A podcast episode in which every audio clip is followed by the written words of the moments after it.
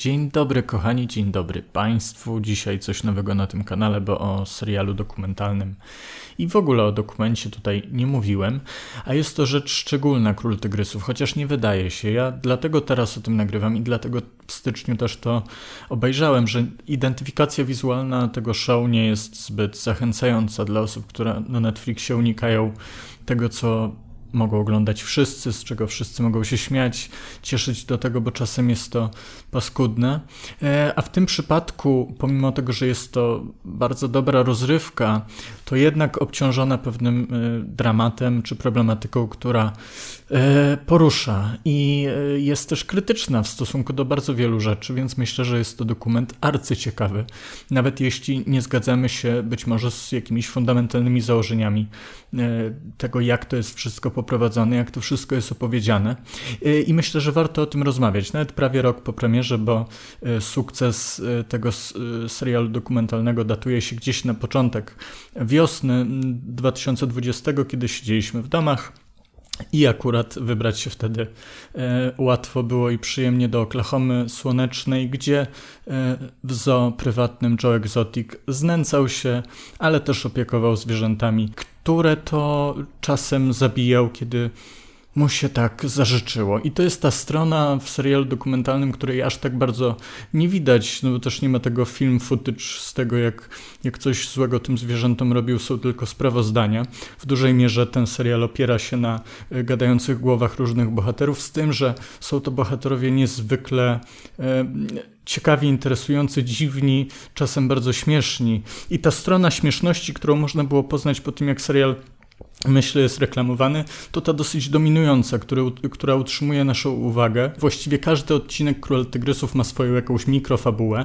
Okazuje się, że wejście w tą historię ma różne płaszczyzny. Jest płaszczyzna konfliktu Joe Exotica z Carol Baskin, która jest też trochę no, rzeczywiście przerysowaną obrończynią praw zwierząt, także ten konflikt nie polega na tym, na czym czasem polega, czyli strona zła, strona dobra, tylko to wszystko zdaje się w sobie jakoś odbijać. Carol Baskin na pewno jest lepszą obrończynią praw zwierząt, czy lepszą pasjonatką zwierząt niż czy egzotik, ale jej upodobanie do kiczowatych e, ubrań albo też e, dziwaczna przeszłość stawia ją w trochę innym świetle niż naszego głównego bohatera. A głównego bohatera znamy z tych wielu stron, które pozwalają nam utożsamić się z tym dziwakiem, który w jednej chwili rozpłacze się e, i będziemy mu współczuć, jak coś się złego stanie, albo cieszy się, albo czegoś pragnie, te wszystkie e, emocje dosyć rzeczywiście wyglądają, chociaż w tym samym czasie się dowiadujemy, że o to chodziło, że jest showmanem, który ubiega o naszą atencję, który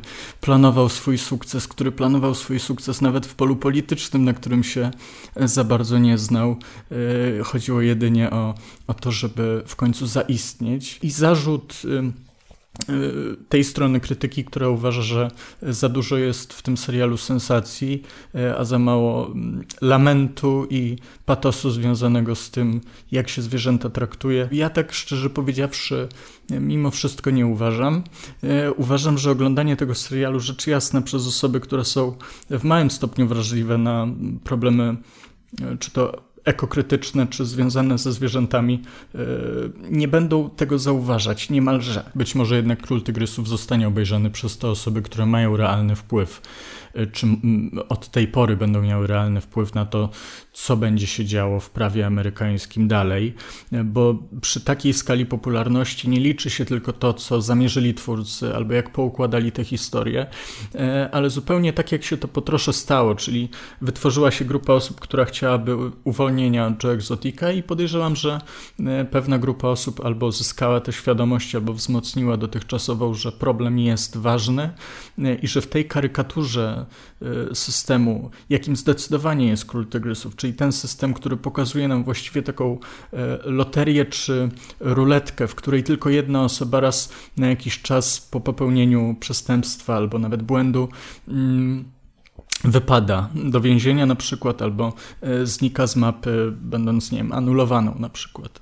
Że cała reszta tych charakterów e, podejrzanych, śliskich pozostaje tam i to jest niezwykłe, że w siódmym tak jakby odcinku, który możemy obejrzeć już po zakończeniu Króla Tygrysów jest wywiad z bohaterami powiedzmy drugoplanowymi e, poprowadzony przez Joela McHale'a ze świetnego serialu Community, bardzo polecam. Wszyscy, mimo tego, że być może znalazłyby się kiedyś jakieś haki pozwalające sędziom wydać odpowiednie wyroki. Ci ludzie właściwie nic sobie z tego nie robią. Być może mają perspektywę na to, żeby komuś jeszcze zapłacić albo komuś pogrozić, żeby nic im się nie stało, że poszedł siedzieć na dosyć długo y, Joe Exotic, y, a jednocześnie widzowie tego show mogą stwierdzić, że na pewno i jeszcze parę osób mogłoby trafić za kratki, gdybyśmy wiedzieli, gdybyśmy znali te dowody. I to jest ta strona, która wzbudza wzbudza naszą empatię i współczucie w stosunku do jednak negatywnej postaci, jakby nie patrzeć. Nie był człowiekiem dobrym i to jest to powtarzane zewsząd zdanie, że i znęcał się nad zwierzętami, i znęcał się nad pracownikami e, i tak dalej. E, chociaż być może dużo gorsze rzeczy działy się gdzieś poza naszym spojrzeniem. I to jest to, co wywołuje bardzo silne emocje, przynajmniej u mnie.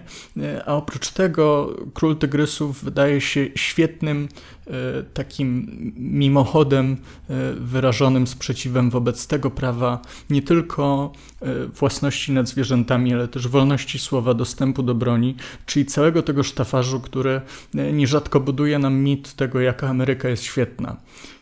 I w Królu Tygrysów widać zdecydowanie to, że, że w wielu miejscach Ameryka się wykłada i jest tym pstrokatym obrazem wszystkiego, co, co było i też było złe. I te dzikie zwierzęta często podejrzewam w dużo gorszych warunkach niż to przedstawione w serialu są gdzieś przytrzymywane, nie wiem, w domkach, na jakichś preriach, e, nie wiadomo gdzie i nie wiadomo co się z nimi robi. I to jest ta część, która jest takim zwierciadłem dla przeciętnego Amerykanina, który niewiele się może nad tym zastanawia, że ten obraz może pęknąć i może jakiś rodzaj współczucia w stosunku do zwierząt się zrodzi, chociaż tak jak już mówiłem, może ten serial aż tak tego mocno nam nie przemyca, tylko że ludzie z innych krajów, z innych kultur i obyczajów mogliby oceniać już ten kult własności i wolności zdecydowanie surowiej. I myślę, że w globalnej polityce też Często e, to wszystko opiera się na tworzeniu swojego wizerunku i wywierania przez to wpływu,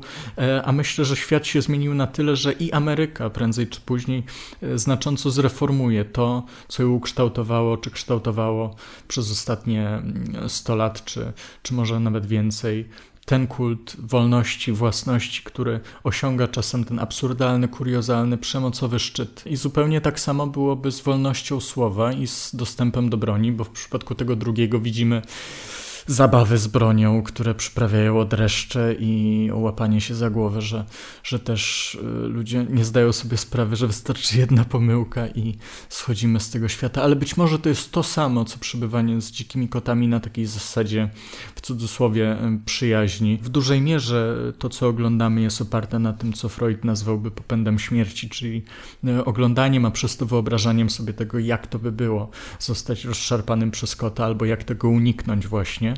Mm, więc to jest ta emocja, która, która też buduje przywiązanie do tego serialu.